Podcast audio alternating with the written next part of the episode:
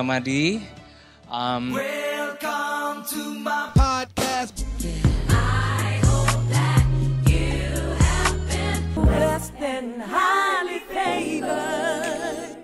Hello, welcome to podcast series So You Think You Can Preach bersama gue Denny Gamadi dan hari ini kita ada seorang tamu yang spesial hari ini yaitu Bapak Pendeta Dr. Yoas Adi Prasetya. Yeay, let's make some noise yo.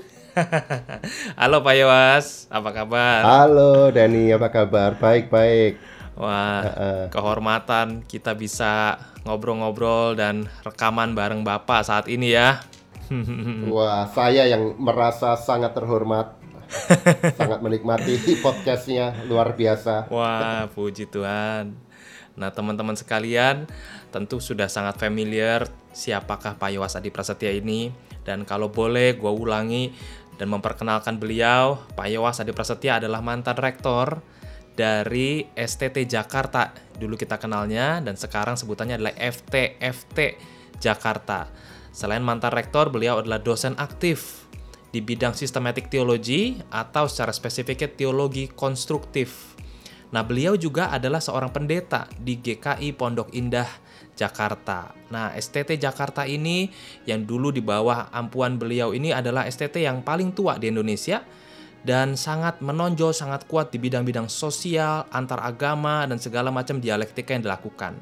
Nah, Pak Yowas juga adalah anggota dari beberapa organisasi global, sebab dia adalah pembicara nasional dan internasional, jadi narasumber dan keynote speaker di dalam dan juga di luar-luar eh, negeri. Beliau tergabung dalam network Theologians, Network of Theologians. Wah, sedap ini Pak. Terus WCRC, World Communion of Reformed Churches. Bapak itu perwakilan Asia Tenggara atau Indonesia di WCRC, Pak? Eh, personal, Personal ya. ya artinya ya mereka memilih saya secara personal, bukan berdasarkan perwakilan begitu. Oke. Dan juga tim drafting dari dari WCC Document on Christian Identity in the Pluralistic Society. Nah, dan beliau juga jadi Board of Trustees dari ATSEA. ATSEA adalah Association for Theological Education in Southeast Asia. Dan juga beliau adalah The Commission of Theology di Indonesian Communion of Churches. Wow, dan masih banyak PGI, lagi ya. teman-teman. Oh iya, di PGI ini ya Iya. masih panjang lebar. Nah, beliau tinggal di Jakarta bersama istri dan tiga anaknya, di mana dua dari antara anaknya lahir ketika beliau masih ada di Amerika Serikat. Dan Pak Yowas sendiri senang menyebut dirinya sebagai unfinished Christian pastor and a servant of humanity. Wow, beautiful Pak. Th- Thank you for the generous introduction. Wah, privilege ya. Jadi kalau Oke. boleh, tadi saya gambarkan identitas Bapak. Em, jadi Bapak ini seorang akademisi, tapi juga seorang pendeta Betul. ya Pak ya. betul, betul. Gimana itu posisinya Pak? Iya, eh, ya, eh, saya ini pertama-tama memposisikan diri sebagai pendeta sebelum akademisi. Jadi dalam tugas kependetaan itulah eh, saya me- mengaktualisasi diri di bidang akademis. Jadi itu sebabnya eh, gereja saya GKI Pondok Indah eh, mengutus saya ke STT. Jadi saya pertama-tama melihat diri sebagai pendeta dan bukan akademisi yang kemudian jadi pendeta gitu dan. Oke, menarik, Ah, menarik. nah, itu me- membentuk cara saya berpikir dan cara saya eh, melayani juga termasuk dalam hal khotbah begitu. Hmm, Ha, ha. iya iya iya. Karena ini ketegangan yang Iya. cukup berat ya Pak ya. Betul, betul sekali. Ada kesan kan Ah, akademisi cenderung filosofis, teologis, buku-buku yang mendalam, Ruwet. jelimet, ah, ruwet gitu loh Pak. Betul, betul sekali. Jadi tugas eh, akademisi itu membuat hal-hal sederhana menjadi ruwet dan hal-hal ruwet menjadi tidak dipahami. Sebaliknya Sangat tugas mulia. pendeta tugas pendeta itu membuat hal-hal yang ruwet menjadi sederhana kan dan bisa dipahami. Nah, ini ketegangan yang luar biasa sebenarnya. iya. Gitu.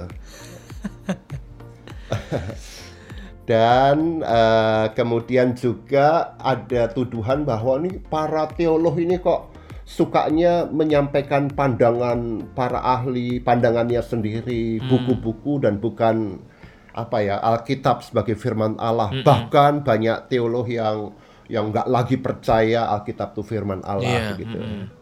Nah, karena saya memposisikan diri pertama-tama sebagai eh, pendeta di sebuah jemaat lokal dan komunitas saya pertama-tama adalah anggota jemaat itu, maka saya me- menafsir tugas akademis itu dari lensa saya sebagai pendeta. Dan dan itu sebabnya maka selalu eh, saya memulai dari Alkitab sebagai firman Allah Ke- setiap kali saya berbicara di konteks mana pun begitu.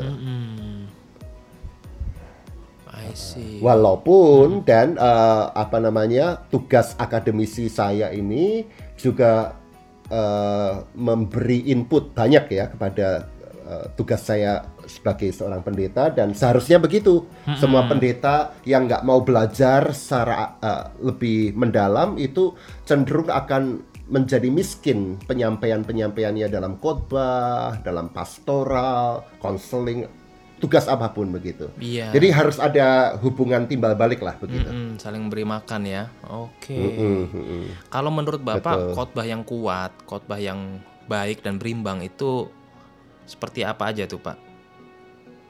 Mm-mm. Nah, menurutku eh, aku udah lebih dari 20 tahun sebagai pendeta ya dan satu hal yang selalu menjadi prinsipku adalah bahwa khotbah itu harus mewartakan firman Allah yang berpusat kepada dua nih.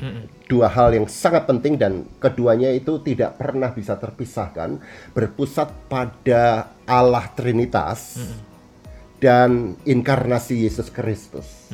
Jadi Allah Trinitas itu ingin menjadi sebuah narasi Kristen, kisah Kristen bahwa Allah Sang Bapa mengutus Yesus Kristus anak Allah melalui kuasa Roh Kudus demi kebaikan dunia dan membawa manusia dan ciptaan itu untuk kembali dan mem- mempermuliakan Allah Bapa melalui Yesus Kristus dalam kuasa Allah begitu.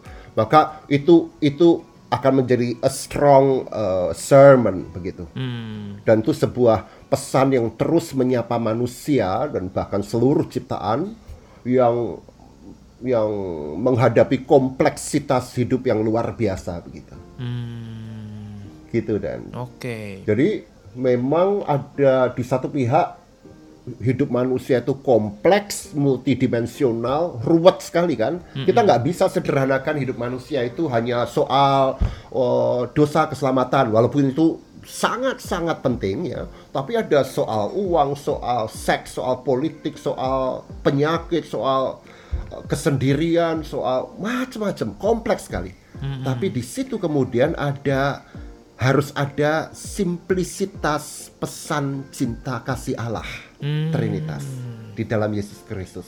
Nah, di situ the beauty of preaching menurut saya. Mm-mm. Nah, kalau Gitu. 30 40 tahun belakangan ini kan eh, banyak orang yang menyuarakan tentang khotbah yang gospel centered. Jadi dari teks mana pun ditarik ke satu inti yaitu kisah redemptif atau kisah penebusan eh, manusia di dalam Tuhan Yesus Kristus. Jadi semua teks dilihat dari lensa itu. Bahkan ya Brian Chappell salah satu murid eh, salah satu orang yang pertama-tama juga ikut eh, menyuarakan itu kan. Jadi semua teks mesti dilihat dari kondisi kejatuhan manusianya apa, lalu kemudian dijawab dengan penebusan Yesus sebagai jawaban dari semua teks. Nah, itu kan eh, gospel center seperti itu contohnya ya, Pak ya. Nah, Ya, ya, ya. kalau yang melihat dari eh, sisi trinitarian ini dan inkarnasi Kristus kira-kira realnya gimana tuh, Pak?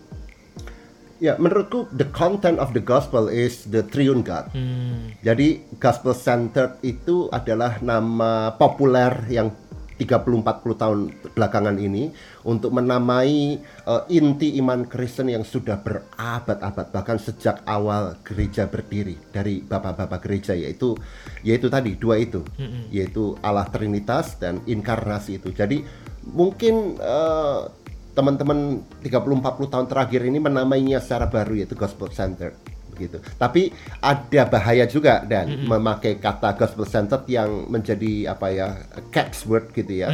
Eh, karena itu juga bisa ditafsir macam-macam juga. Mm-mm. ya. Jadi lebih safe menurut saya untuk menamai dan menunjuk kepada Allah itu sendiri, Trinitas dan Kristus yang berinkarnasi itu begitu. I see.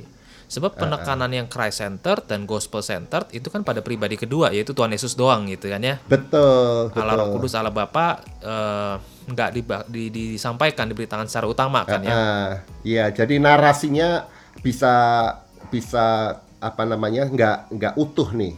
Bukan hanya Kristus kan, tapi Kristus itu sebenarnya dalam narasi misi Allah Bapa yang mengutus Sang Anak dalam kuasa Roh Kudus. Jadi tiga itu harus menjadi sebuah apa ya eh, tata bahasanya orang Kristen. Mm-mm. Jadi kosa katanya orang Kristen, termasuk di dalam khotbah gitu. Heeh. Nah itu itu indah sekali menurutku. Mm-mm. yaitu di satu pihak kita ini dilimpahi luar biasa oleh kasih Tuhan yang melimpah ruah yang membuat kita ini gagap ya enggak wow begitu jadi ada sebuah beauty keindahan yang harus kita wartakan Mm-mm. tapi kita gagap ya Mm-mm. tapi sekaligus kita tiba-tiba diperhadapkan pada misteri kekayaan keselamatan itu yang juga membuat kita diam begitu Mm-mm. Makanya saya punya satu pemahaman bahwa pengkhotbah yang harus bicara banyak itu harus lebih banyak lagi diam merenung. Mm. Jadi pengkhotbah yang nggak suka merenung itu ucapan apa pun sepiawai apa pun dia memakai retorika dan cara teknik berbicara itu akan kosong. Mm. Dia tidak menyentuh kedalaman spiritual manusia begitu. Mm. Makanya siapa ya? Eh, oh itu Ralph Waldo Emerson. Ini seorang tokoh penting ya. Dia berkata, "I like the silent church before the service begins better than any preaching." Jadi aku ini suka gereja yang diam sebelum eh, sebuah ibadah ini mulai jauh lebih baik daripada khotbah dengan kata-kata apa pun. Mm. Jadi kita ini perlu diam sebelum ngomong banyak. Iya. Tujuannya itu memberikan ruang yang sebesar-besarnya untuk misteri Iya. dan kekaguman akan Allah Trinitas itu ya. Betul, sehingga ketika kita ngomong setelah merenung, termasuk merenung dan terutama merenungkan firman Tuhan itu yang mempersaksikan misteri Allah Tritunggal itu, maka ucapan kita menjadi powerful beyond any tekniknya. Hmm. Saya percaya semua pendeta, semua pengkhotbah itu harus belajar teknik bicara yang baik. Iya. Tapi somehow umat itu bisa merasakan kok uh, feeling the touch of the sermon. Ketika seseorang yang ngomong walaupun mungkin dia gagap, tekniknya nggak baik, tapi itu muncul dari kedalaman spiritual yang dia disapa, disentuh oleh uh, kekayaan cinta Allah Trinitas itu I see. itu uh, uh, itu somehow selama 20 tahun ini saya menemukan umat itu bisa menangkap itu gitu. Mm-mm. Ya. Jadi cara membuat agar beauty dan misteri dari eh, Trinitas dan dualitas Kristus itu bisa keluar di setiap khotbah. Yang pertama adalah kedalaman spiritual seseorang, di mana dibentuk Betul. melalui waktu heningnya dia bersama Tuhan ya. Betul, betul. Itu akan keluar dengan sendirinya ketika dia punya disiplin itu ya. Oke. Baru kemudian melihat firman Tuhan Hmm. dari kesadaran bahwa I am nobody before the richness of God. Aku ini bukan siapa-siapa di depan kekayaan kasih Allah Trintas itu, maka dengan penuh respect mencoba melihat Alkitab. Nah, di sini sebenarnya apa yang menjadi passionku selama eh, 20 tahun ini dan yaitu berusaha menghargai bahwa Alkitab ini kayanya luar biasa dan dia bisa menyentuh seluruh aspek kehidupan manusia yang kompleks melampaui doktrin kita selama ini. Gitu. Maka nggak pernah ada apa ya makna tunggal. Teks ini pasti ngomongnya begini. Nggak pernah Hmm. itu pasti punya angle-angle kemungkinan membaca teks itu secara lebih kaya lagi Mm-mm. maka salah satu bahaya besar setiap pengkhotbah adalah ketika dia terima teks atau dia pilih teks lalu sudah assuming Mm-mm. ah ini pasti ngomong soal ini atau eh, membiarkan jemaat itu assuming ketika pendeta kan pendeta kalau khotbah biasanya baca Alkitab dulu kan ya Iya. saya pernah dengar pendeta yang pakai ilustrasi lama lalu langsung masuk khotbah tanpa baca Alkitab. Ya, ya. Nah, jangan biarkan jemaat itu assuming bahwa eh, ketika teks itu dibaca, ah ini pasti ngomongnya soal ini, gue udah tahu lah gitu. Mm-mm. Enggak. Dengan sikap respect dan hormat pada cinta Allah itu, Mm-mm. Dia membaca Alkitab yang yang begitu kaya itu. Makanya kalau kita membaca satu teks 10 kali bisa muncul 10 angle yang berbeda. Sama seperti 10 orang membaca satu teks bisa mungkin memunculkan 10 apa penafsiran atau pendekatan dan 10-10-nya harus dihargai begitu. Mm. Mm-mm. Hanya dengan cara itu menurutku dan eh, apa ya khotbah itu eh, bisa memperkaya iman eh, umat begitu dan tidak menjadikan umat itu hanya menjadi umat yang apa ya kuat secara doktrin tapi eh, tipis atau miskin secara spiritual gitu. Mm-mm. Mm-mm. Benar, benar. Ha-ha. Nah, sebelum Makanya- Mm-mm. Ha-ha, gimana gimana? Sebelum lebih lanjut soal bicara soal misalnya dari 10 penafsiran ya semua punya keindahan dan punya posisi masing-masing. Saya pengen mundur sedikit ke sini, Pak.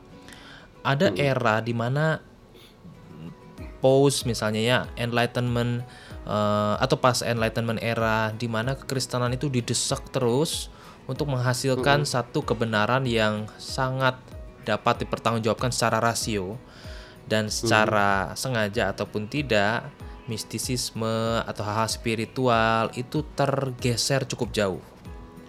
Dan apa yang dikedepankan dan buku-bukunya dan pemikir zaman itu semua yang sifatnya benar itu kan the truth Uh, verum itu kan ya. Iya, betul. Nah, tapi kemudian eh, setelah itu diagung-agungkan sekian ratus tahun, hal yang sangat disedihkan terjadi dalam peradaban manusia yaitu perang dunia yang pecah. Nah di perang dunia yang pecah kita bisa lihat sama-sama dan segala macam perang yang terjadi di zaman-zaman itu orang yang sama-sama memegang kebenaran yang sama saling bunuh. Dua-duanya berdoa pada Yesus yang sama, berdoa pada Allah yang sama, tapi saling tembak, saling bunuh, saling siksa dengan sangat sadis. Dan di situ kekristenan jadi berpikir ulang kan. Kita ini selama ini ngebangun apa? Kalau yang kita punya truth dan truth itu mengubahkan segala sesuatu, semua dimulai dari landasan truth dulu, tapi kok nggak terjadi demikian? Truthnya dapat, tapi hidup sih jalannya seperti dua jalan yang nggak pernah ketemu. Iya, iya, iya. Di situ kan Betul banget. mereka mulai memikirkan ya pak ya eh, soal kebaikan di mana nih eh, kebenaran itu bisa memperbaiki kelakuan tuh di mana posisinya Eh, Betul, betul. atau sebutannya bonum itu pak ya Ya, bonum kebaikan ya. kebaikan Etika, etika, etika muncul. ya hmm. Iya, iya. Malah kemudian di zaman sekarang nih yang sering disebut posmo ini orang melangkah yang ketiga Mm-mm. yaitu ketidakmampuan untuk melihat bahwa kebaikan juga nggak sepenuhnya menjawab loh eh, kedalaman eh, persoalan manusia ya dan dunia ini maka masuk ketiga yaitu eh, apa yang disebut pulcrum atau estetika keindahan Hmm. Ya keindahan beauty beauty. Jadi eh, truth itu baik dan wajib dan harus ya. Yesus sendiri berkata I am the truth ya. Tapi ketiga-tiganya itu harus disatukan itu truth goodness and beauty. Verum bonum dan pulcrum eh, kebenaran kebaikan dan keindahan itu. Nah gimana caranya supaya khotbah itu bisa menghadirkan ketiga-tiganya nah itu the art of preaching gitu dan Mm-mm. betul betul Nah itu nggak bisa hanya sekedar eh, khotbah yang pokoknya harus doktrinnya benar. Itu benar, memang harus, tapi ada angle lain, yaitu bahwa khotbah itu harus empowering the people to to do good, Mm-mm. untuk melakukan kebaikan Allah di dunia ini. Atau juga uh, inviting the people, mengundang umat itu untuk menikmati kekayaan cinta Allah yang beautiful. Jadi tiga aspek itu jadi triangle yang yang selalu harus muncul dalam semua khotbah. Itu itu passion yang selalu 20 tahun lebih ini aku coba tertatih-tatih usahakan. Mm-mm.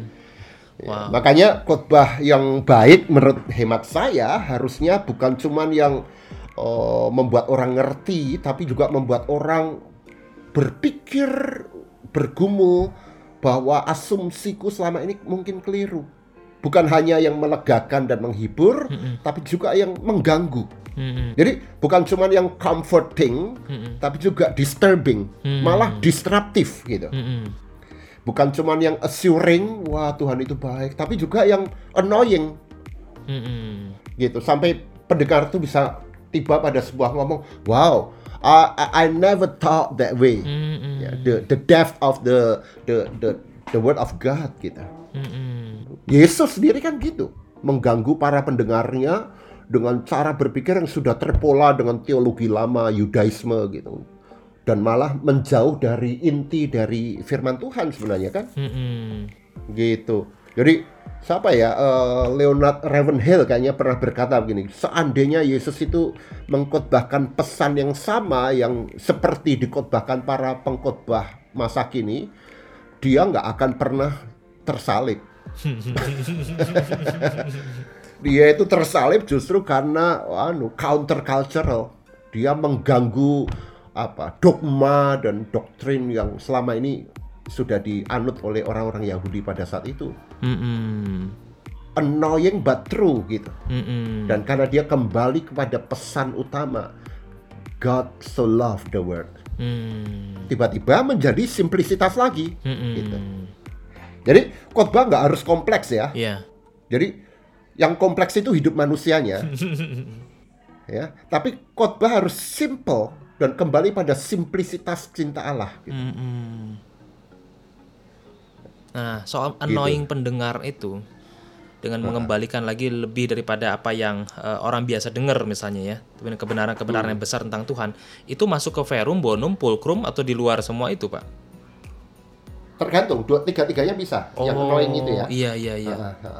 Oh, I see. Karena tiga-tiganya itu adalah dimensi dari rahasia misteri kekayaan cinta dan keselamatan Allah Trinitas dan Yesus Kristus itu. Mm-mm. Jadi kembali lagi ukurannya adalah Trinitas dan inkarnasi. Oke. Gitu. Ini ini dua dogma utama yang mestinya semua gereja mau khotbahnya berapi-api kayak karismatik atau khotbahnya itu kalem kayak GKI gua dari GKI ya. itu it, it doesn't matter Mm-mm. makanya saya mencoba menikmati khotbah dari denominasi apa pun tapi ada pagernya ini ini ukurannya nih Den Nah, Nah, itu gitu. dia yang saya mau tanya tuh, Pak, sebentar ya. Ha, ha, ha, ha. Tadi kan eh, apa yang disampaikan adalah tentang gimana kita bisa membaca Alkitab dengan begitu kaya dan kalau ada 10 penafsiran yang majemuk, 10-10-nya itu bisa jadi kebenaran yang berbeda satu sama lain tapi tetap dalam pagar yang benar. Yang kita lihat Ya, hari betul. ini sering kali eh, tuduhan-tuduhan datang ketika orang membuat sebuah klaim berdasarkan Alkitab, lalu pribadi lain bilang, "Oh, enggak, itu enggak sesuai Alkitab." betul itu Alkitab nggak ngomong gitu kamu ini ngarang kamu cocokologi narik sendiri gitu kan ya. Dengan demikian yang dia katakan adalah hanya ada satu hanya ada satu makna makna tunggal dari perikop ini dan teks ini dan itu tidak bisa ditafsirkan dengan cara lain. Kalau cara lain jadinya ngaco gitu kan ya. Eh, Iya, iya. solid Nah, udah pasti ini ngomong tentang ini. Tadi kan malah Bapak bilang jangan begitu ya. Malah sebaliknya jangan sampai audiens oh ini mah pasti ini. Tapi ada tertentu yang melihat ini udah pasti tentang ini. Kalau dibawa lari lain dari ini, itu ngaco. Misalnya Mhm, gitu kan. Iya, Nah, iya. boleh nggak dijelasin lebih lanjut gimana mungkin eh, atau mana yang eh, nggak nggak nggak pas gitu ya? Apakah makna tunggal ini nggak pas sebetulnya karena dia membatasi teks yang gitu kaya atau gimana? Mm-mm. Ya, menurutku gini, menurutku mungkin saja ini ya, garis bawahi kata mungkin. Mungkin saja satu teks ini memang punya satu makna tunggal. The problem is siapa yang bisa menentukan makna tunggal ini siapa? Hmm. Ketika seseorang berkata, oh enggak gitu maknanya ini enggak Alkitabiah, itu kan sebenarnya enggak sesuai Alkitab, itu kan maksudnya enggak sesuai Alkitab menurut pembacaanku, Kacamatanya dia ya. kacamatanya dia gitu kan. Jadi katakanlah kalau kebenaran itu milik Allah ya, cuman Allah yang tahu kan. Kita mencoba untuk menikmati kebenaran Allah itu dari perspektif kita masing-masing yang, yang terbatas begitu. Hmm. Tapi gue juga nggak mau ngomong bahwa 10 penafsiran tuh pasti 10-10-nya bener ya. Hmm. Karena itu perlu ukuran nih gitu. Ya. Nah, ukurannya harus kita temukan. Karena kalau ukurannya ya harus Alkitabiah, kembali lagi muter nih. Alkitabiah menurut siapa gitu. Hmm. Nah, maka ukurannya harus kita harus sangat sadar apa yang membuat kekristenan ini dengan semua pergumulan dosa kekurangannya 21 abad ini membuat kekristenan ini berdiri terus yaitu dua tadi itu, trinitas dan inkarnasi. Hmm. Gitu. Ya, jadi bayangkan gini bahwa eh, trinitas dan inkarnasi itu kayak pagar. Pagar yang memagari siapa di dalam, siapa di luar. Hmm. lu nggak terima Trinitas ya sorry lu di luar. Di luar ya ini tidak berarti aku membencimu tapi ya we are different gitu. Tapi di dalam itu sangat luas lahannya yang sudah dipagari oleh dua ini Trinitas dan inkarnasi dan dan itu bukan classroom kita saja tapi juga playing ground kita. Jadi kita gua mau jempalitan ya tapi gua di dalam gitu. Heeh. Jadi ini taman warna-warni. Nah, di dalam pagar ini bukan kebun kebun apa namanya kelapa sawit yang seragam, Heeh. tapi taman warna-warni, garden. Ada banyak tanaman yang masing-masing pertumbuhannya beda-beda nih. Heeh. Ada eh, bunga mawar yang indah tapi pendek, ada kelapa yang tinggi tapi kokoh gitu. Masing-masing bertumbuh. Lu kan nggak bisa memaksakan bahwa pohon ma- eh, mangga harus punya bunga secantik mawar. Hmm. Karena pertumbuhannya beda. Nah, itu sebabnya kemudian dibutuhkan eh, tafsiran-tafsiran approaching yang ap- approaches yang berbeda terhadap teks yang tunggal itu gitu. Hmm. Wah, ini konsekuensinya praktikal sekali. Jangan suka menghakimi atau mengecam orang lain yang punya cara menghargai firman Tuhan yang beda misalnya kan. I see. Atau uh, aplikasi lain misalnya ya, kan saya sering dipanggil ke gereja yang denominasinya lain, Hmm. ke karismatik, ke baptis. Saya sebagai pendeta apa dari GKI Hmm. itu harus menghargai benar. Diundang khotbah tapi isinya mengecam doktrinnya gereja yang ngundang gua. Wah itu berantakan itu. Hmm. gitu nggak boleh nggak boleh. Karena doktrin gereja yang mengundang saya misalnya ya saya GKI nggak melakukan atau tidak punya tradisi kebiasaan bahasa lidah atau bahasa roh. Yang ngundang punya gitu. Saya nggak bisa ngomong oh bahasa lidah itu salah gitu. Hmm. karena itu adalah cara teman-teman karismatik misalnya dan saya sangat menghargainya untuk mendekati misteri itu selama masih di dalam pagar trinitas dan inkarnasi itu gitu. I see.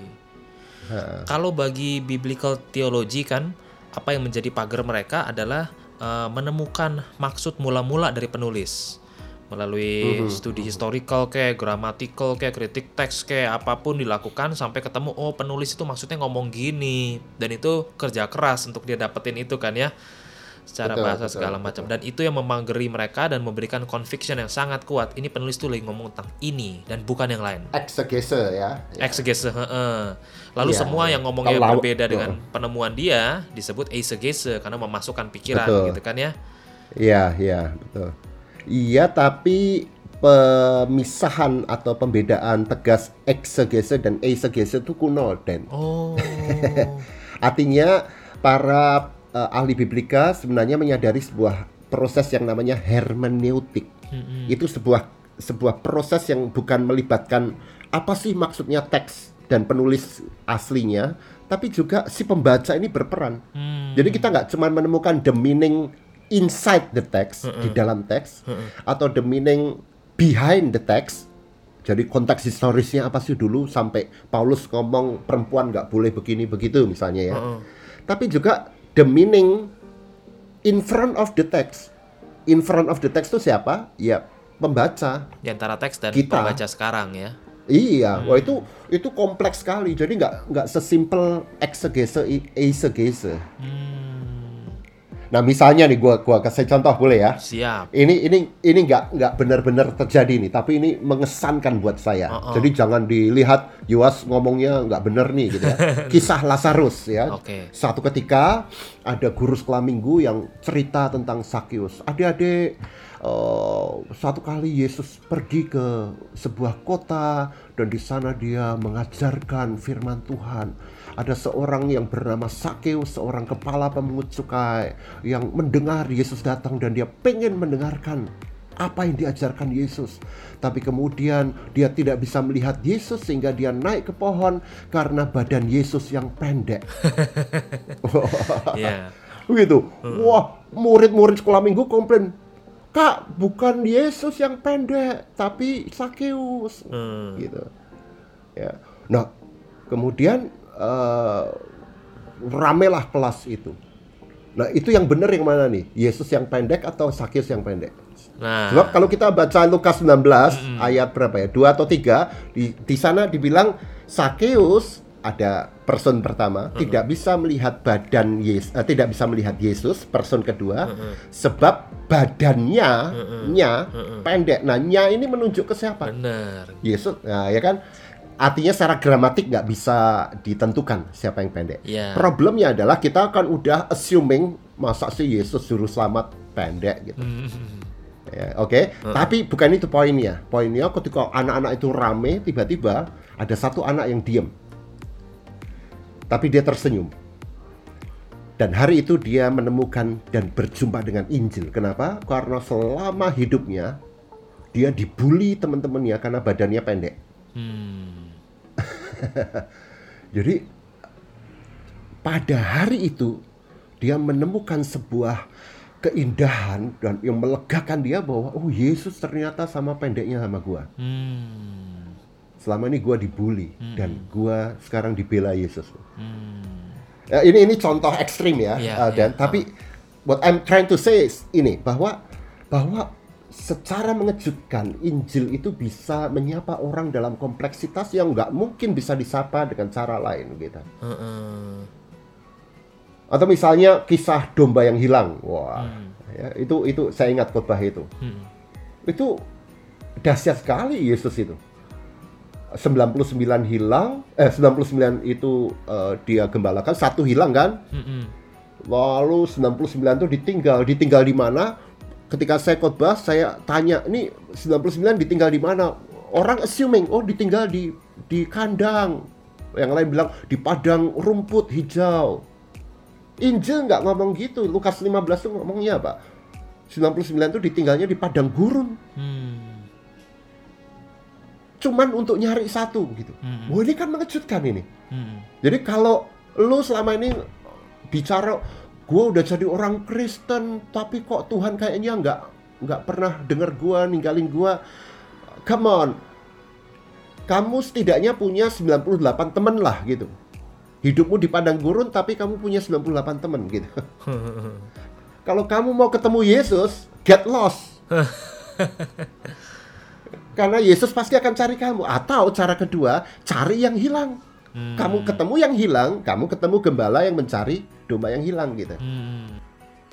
Nah ini kan apa aspek atau angle lain the other side of the gospel yang karena kita sukanya yang nyaman aja buat kita gitu. Heeh. Jadi ada selalu ada perspektif approach yang baru terhadap Injil itu. Itu cara gua me, me- apa respecting the gospel gitu. Hmm. Wow. Gua banyak ngomong nih ya kayaknya. Oh ya. enggak, justru itu yang kita harap Pak. Kalau saya yang banyak ngomong dimatiin ini podcastnya. nah, wow ini ini cara yang menarik dan juga memberikan sisi-sisi yang sangat seger dan misteri Allah dibangunkan, disadarkan maksudnya eh, dalam diri kita. Nah, saya mau bertanya gini Pak, saya agak eh, takut loh kalau saya ngajarin homiletik seperti ini. Karena saya ngelihat ada satu hal yang eh, tidak bisa diduga produk akhirnya dari pengkhotbah yang masih eh, terikat dengan eh, baggage-baggage masa lalu, agenda-agenda tertentu, dan keberdosaan kita mengikat.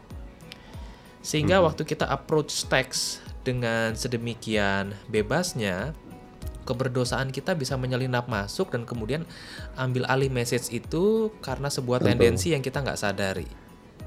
Tentu. Benar sekali. Dan dia dilegitimasi oleh eh, hal ini gitu kan. Oh boleh kok misalnya kan ya. Iya, iya. Dan itu sebabnya begini, Dan. Eh, seperti yang aku bilang tadi, semua pengkhotbah yang akan ngomong apa pun, dia harus merenung. Dan perenungan ini adalah sebuah proses dia berjumpa dengan Allah itu sendiri. Hmm. Oke, jadi dia nggak boleh ngomong dari pikirannya tok, tapi pikiran yang dia kemudian share itu adalah hasil perjumpaannya dengan Allah dalam perenungan, dalam saat teduhnya dia bergumul dengan firman Tuhan ini begitu. Dan aku sangat yakin, oh ini pendetanya keluarnya, Iya. Aku sangat yakin bahwa ketika orang sungguh bergumul dengan Allahnya, dengan Kristus, maka Roh Kudus itu akan menuntun dia. Hmm. Karena roh itu bukan roh yang mempersempit pemikiran ya, roh yang yang mendesak kekayaan cinta itu supaya makin luas. Hmm. Itu kalau dari sisi spiritual. Dari sisi sisi intelektual, di situ para pengkhotbah butuh akademisi, butuh teologi. Butuh baca buku yang serius. Maka lu bisa lihat pengkhotbah ini eh, punya kedalaman teologi atau enggak, masuk ke ruang kerjanya. Kalau rak bukunya isinya cuman buku-buku ilustrasi, buku-buku khotbah pendeta lain, wah, no, gitu. Dia dia harus belajar gitu. Hmm. Itu dari sisi intelektual. Nah, dari sisi gerejawi, maka dia harus respecting apa doktrin dari gereja di mana dia berkhotbah, termasuk gerejanya sendiri. Hmm. Jadi sebebas apa pun gua, gua harus tahu ini misalnya aku khotbah di gereja GKI. GKI ini punya doktrin ini. Oke. Doktrin ini harus gua hargai. Aku boleh mengatakan sesuatu yang muncul dari pergumulanku tapi eh, aku harus sangat sadar ini gereja ini lebih tua dari usiaku. Hmm. And at the end akhirnya aku juga punya tugas untuk me, me- apa me- pushing the the congregation untuk sadar bahwa hey hati-hati kita memang punya doktrin tapi doktrin ini bukan dan tidak boleh menggantikan sang kebenaran itu. Karena itu pagernya adalah trinitas dan inkarnasi itu. Jadi nggak boleh mempersempit bahwa yang namanya Kristen hanya rumah atau gubuk kecil yang namanya GKI di dalam pagar yang mahal luas itu. Jadi a- ayolah keluar dari eh, rumah gubukmu ini. Lihat bahwa di luar sana ada banyak hal yang yang beautiful, yang true, yang good gitu. Yang Jadi true gitu. juga ya. Jadi yang true juga. Karena kan Iya. pandangan dari berapa 45 ribu denominasi yang ada di dunia adalah saya punya betul 40 Betul. 4900 itu Iya, semuanya iya, salah. iya, betul. Iya. Makanya para pengkhotbah itu harus keluar dari favoritisme terhadap teks Alkitab ya. Hmm. Lihat aja kita ini suka sekali mem- me- mengkhotbahkan teks-teks favorit kita. Hmm. Padahal ayat Alkitab ini kan lebih banyak daripada kumpulan teks-teks favorit mereka atau kita gitu. Hmm. Saya mau nanya Pak kalau gitu. Tadi dalam mempersiapkan satu eh, perjalanan penafsiran untuk siapkan khotbah ini kan Bapak sebutkan sisi spiritual, intelektual dan gerejawi kan ya. Kalau sisi Iya, iya. spiritual gimana kita sendiri tenggelam dalam misteri ilahi itu, dalam diamnya kita dan mengalami sendiri gitu kan. Eh, kekuatan itu keluar. Nah, kedua kan soal sisi intelektual yang tadi Bapak bahas soal di rak bukunya ada buku apa gitu kan. Mm-mm, Iya. Nah, ketika orang eh, siapkan firman, maka eh, sisi intelektual ini kan megang peranan. Nah, bagaimana kita punya konsep akan Allah Trinitas dan dan inkarnasi Kristus yang menaungi semua eh, yang mem- apa memagari cara berpikir kita dan penafsiran kita ini sekarang diolah secara langkah-langkah intelektual. Kalau yang biblical theology kan dia selalu gitu ya, eh, bahasanya, budayanya dan apalah konteks penulisannya, tahunnya dan lain-lain. Kalau sisi intelektual menemukan bahwa punyaku ini apakah in dari tradisi eh, Trinitarian dan dualitas Kristus atau out itu gimana secara intelektual mem- membedakannya Pak? Wah, ini ini perlu kira-kira 10 podcast lagi nih Dan. Waduh, sorry. no, no, no, no. I mean, gini, gini. Uh, saya selalu ngomong gini. Waktu saya studi di Amerika ya, saya, wah saya ini kagum loh. Anak-anak usia lima tahun di Amerika ini, bule-bule itu pinter casisus ngomong Inggris. Lah iyalah, eh, karena setiap hari mereka ngomong bahasa Inggris kan. Nah, Trinitas dan inkarnasi itu sebenarnya juga kayak bahasa yang kita hidupi setiap hari. Kita nggak bisa les atau ikut seminar Trinitas dua tiga sesi lalu oh gua paham Trinitas nggak bisa. Itu hidup kita kok. Itu bahasa kita. Jadi dia harus menjadi kosakata kita setiap hari, doa kita, ibadah kita, lensa kita ketika membaca koran, membaca medsos, itu lensanya Trinitas. Jadi ini bukan hanya satu dari banyak doktrin, ini satu-satunya doktrin Kristen. Yang di dalamnya ada doktrin lain, penyelamatan, penciptaan itu harus Trinitarian dan Kristosentris. Jadi nggak bisa hanya dipelajari sekali dua kali gitu. Ya tentu bisa dibantu dengan membaca buku-buku tentang Trinitas yang yang yang solid ya, yang baik, yang benar. Kalau gitu gimana kalau kita pertanyaannya dari yang dinegasikan? Kapan saya ini berada di luar Trinitarianism dan eh, Oh oke. Mm, mm, mm. Prinsip dasarnya gini, ini yang paling dasar ya. Ini kalau belajar bahasa Prancis ini pertemuan pertama lah ya. Yaitu kalau kita di luar itu kalau kita menolak bahwa tiga pribadi kudus Allah Trinitas, Bapa Anak Roh Kudus itu setara sehakikat. Oke, menolak bahwa ada tiga pribadi dalam satu hakikat. Dan yang kedua, menolak bahwa Yesus Kristus itu Allah sepenuhnya dan manusia sepenuhnya, yang kemanusiaan dan keilahiannya itu tidak pernah bercampur dan berubah, tidak pernah terbagi dan terpisah. Nah itu one one-nya begitu, basicnya begitu. Nah tentu itu tulangnya harus diberi daging sehingga lebih kokoh gitu ya. Nah itu itu proses panjang. Nah persoalan gereja-gereja Protestan kita adalah kita ini sering kali nggak memakai grammar atau tata bahasa Trinitas itu dalam semua aspek kehidupan gereja kita, termasuk preaching kita. Itu hanya satu sesi di katekisasi. Nah, kalau kita lihat gereja-gereja lain ya, misalnya apa, Anglican atau eh, Orthodox atau Katolik itu jadi serat utama untuk semua any doktrin. Gitu. Jadi ini PR besar kita lah gitu. Bagaimana menjadikan doktrin kita termasuk preaching kita ini Trinitarian and Christocentric atau yang kamu sebut tadi gospel centered gitu. Iya. Nah, teman-teman sekalian yang eh, belum terbiasa misalnya ya mendengar istilah ini kan ya, satu-satunya doktrin Kristen yaitu Trinitarian dan em, dualitas Dui Natur Kristus ini kan inkarnasi Kristus ini mungkin bisa mengira bahwa ini adalah oh ini barang baru apa lagi nih. Iya. ini setara dengan tren apa nih gitu kan ya Eh, ajaran apa lagi nih tapi saya mau tanya ke bapak betul nggak bahwa Alkitab pun dikanonkan oleh bapak-bapak gereja yang doktrin satu-satunya adalah Trinitarian dan eh, Kristosentris ini? Wah, ini ini ini akan memunculkan perdebatan yang nggak akan selesai. oh.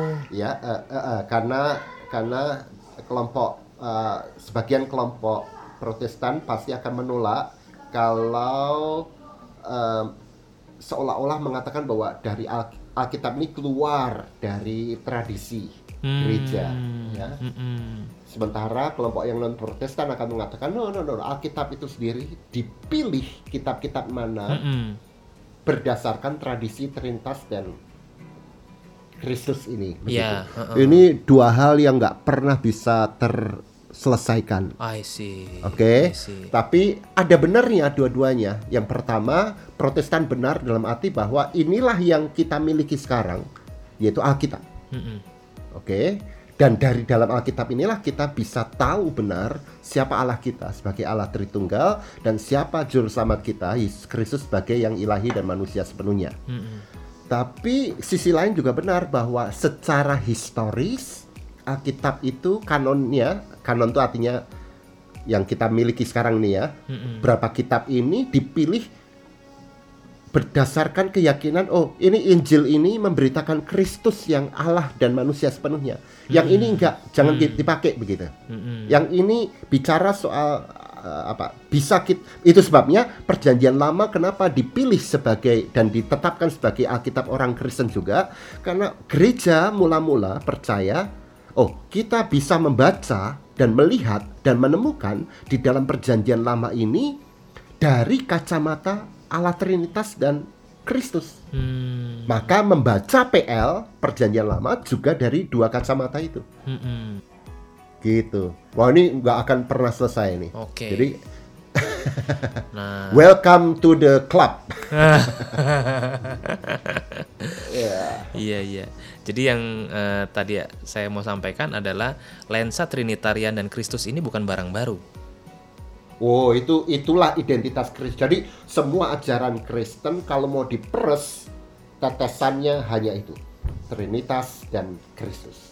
Mm-mm. Kalau tetesannya adalah kesuksesan salah. Tetesannya berkat salah. Tetesannya eh, doktrin yang lain menurutku itu outside Hmm. Defense, gitu. Hmm, Tetesan akhirnya. Oke, Iya. oke. Nah, terakhir pertanyaan saya, Pak. sip sip. Kalau begitu ya, em, seberapa otoritatif dan seberapa prioritatif? Ada nggak sih kata prioritatif? Dibuat ada deh. Oh iya, seberapa berotoritas atau seberapa berprioritas eh, Alkitab itu kita pakai untuk penyampaian firman Tuhan. Jadi itu bener, sangat bener gitu kan ya, isinya kebenaran. Tapi waktu dalam kita mempersiapkan khotbah, seberapa itu? Oh iya, mau tidak mau ya satu-satunya ya Alkitab itu. Hmm, Itulah sumber kita untuk mewartakan sabda Tuhan. hmm, Satu-satunya Alkitab satu-satunya. itu. Hmm. Iya, hanya perlu disadari bahwa eh, Alkitab ini sungguh-sungguh otoritatif buat kita Hmm, hmm. sejauh penafsirannya Ah, Ya. iya iya. inline dengan dua doktrin utama tadi Trinitas dan inkarnasi. Jadi maksud gua gini, maksud gua jangan buru-buru mengatakan, "Oh, pendeta itu kan baca Alkitab sebelumnya, jadi isi khotbahnya benar." Oh, belum tentu. Hmm, hmm. Oke. Malah saya ini agak curiga nih orang yang selalu ngotot ini pandangan yang paling biblical gitu. Heeh. Mungkin yang justru karena nggak biblical Hmm, gitu loh. Jadi iya kita nggak punya sumber lain selain memang satu-satunya Alkitab itu. Nggak bisa enggak. Cuman how to interpret and how to preach ya, the the scripture, the Bible. Nah, itu itu soal lain kan? Mm-mm, I see. Jadi Alkitabnya memang sangat berotoritas, Oh, paling sangat. dan uh, mutlak. Iya, Tapi yang sering kali iya. kita salah kaprah kita ngomong ini berotoritas padahal ininya itu tafsiranku terhadap Alkitab itu yang berotoritas. Betul, nah di situlah celahnya betul. yang kita mesti bisa bedain ya. Iya, nah ketegangannya adalah gimana kita respecting apa menghargai kemajemukan pandangan. Semua kan ngomong gua Alkitabiah. Heeh. Iya. Kita hargai tapi kita kritis juga. Wait, sorry ya. Gua hargai tapi gua nggak setuju. Nah, kita bisa ngomong dengan polite sejauh ini berada dalam sebuah apa pagar yang solid itu yaitu apa? Trinitas dan Kristus. Mm-mm. Tapi kalau itu sudah di luar, walaupun dia mengklaim ini dari Alkitab, ya kita harus tegas mengatakan, walaupun tetap harus polite, Mm-mm. bahwa sorry, ini sudah sama sekali tidak berada di dalam apa yang disebut sebagai iman Kristen. Gitu. Mm-mm. Oke. apakah ada pesan-pesan Bapak untuk para pendengar kita yang adalah preachers, lay preachers dan yang sedang belajar menjadi preacher? Silahkan Ya, Pak. ya, ya, ya. Eh, well, ya eh, teman-teman, eh, saya sangat mengapresiasi sekarang belakangan ini banyak eh, anak-anak muda, orang-orang yang mencintai Tuhan yang menjadi apa preachers gitu dan I really appreciate you, but eh, tolong juga belajarlah terus. Eh, bukan hanya how to preach, tapi juga what you preach tapi juga bagaimana membuatnya solid secara doktrinal melalui Trinitas dan inkarnasi. Kemudian yang kedua juga eh, miliki apa humility, kerendah hatian bahwa apa yang kita sampaikan ini hanya satu dari banyak kemungkinan untuk menghargai firman Tuhan. Karena itu hargai juga teman-teman yang mungkin punya pemahaman yang berbeda. Miliki generosity, kemurah hatian untuk untuk apa? Mau melihat mungkin Tuhan berbicara kepada orang-orang eh, melalui cara yang berbeda dari yang kita miliki begitu. Lalu juga miliki banyak waktu untuk merenung, bertemu dengan Allah yang engkau beritakan, meneliti terus, belajar terus. Begitu. Itu kira-kira yang bisa aku sampaikan Dan. Wow, oke. Thank you banyak Pak Yowas.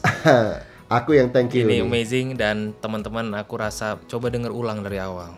Ya, that's my advice supaya kita nggak miss dengerin lagi pelan-pelan, take notes, catat dan kalau pelajari lebih jelas lagi pagar Trinitarian dan lensa Kristus itu carilah buku-buku dan belajar uh, lebih dalam lagi mengenai hal ini. Karena mungkin ada banyak tempat yang belum uh, membuka tradisi yang setua zaman ini.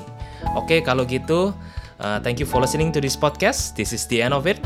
Gue Denny Gamadi bersama Pendeta Dr. Joas Adi Prasetya. We check out and God bless you.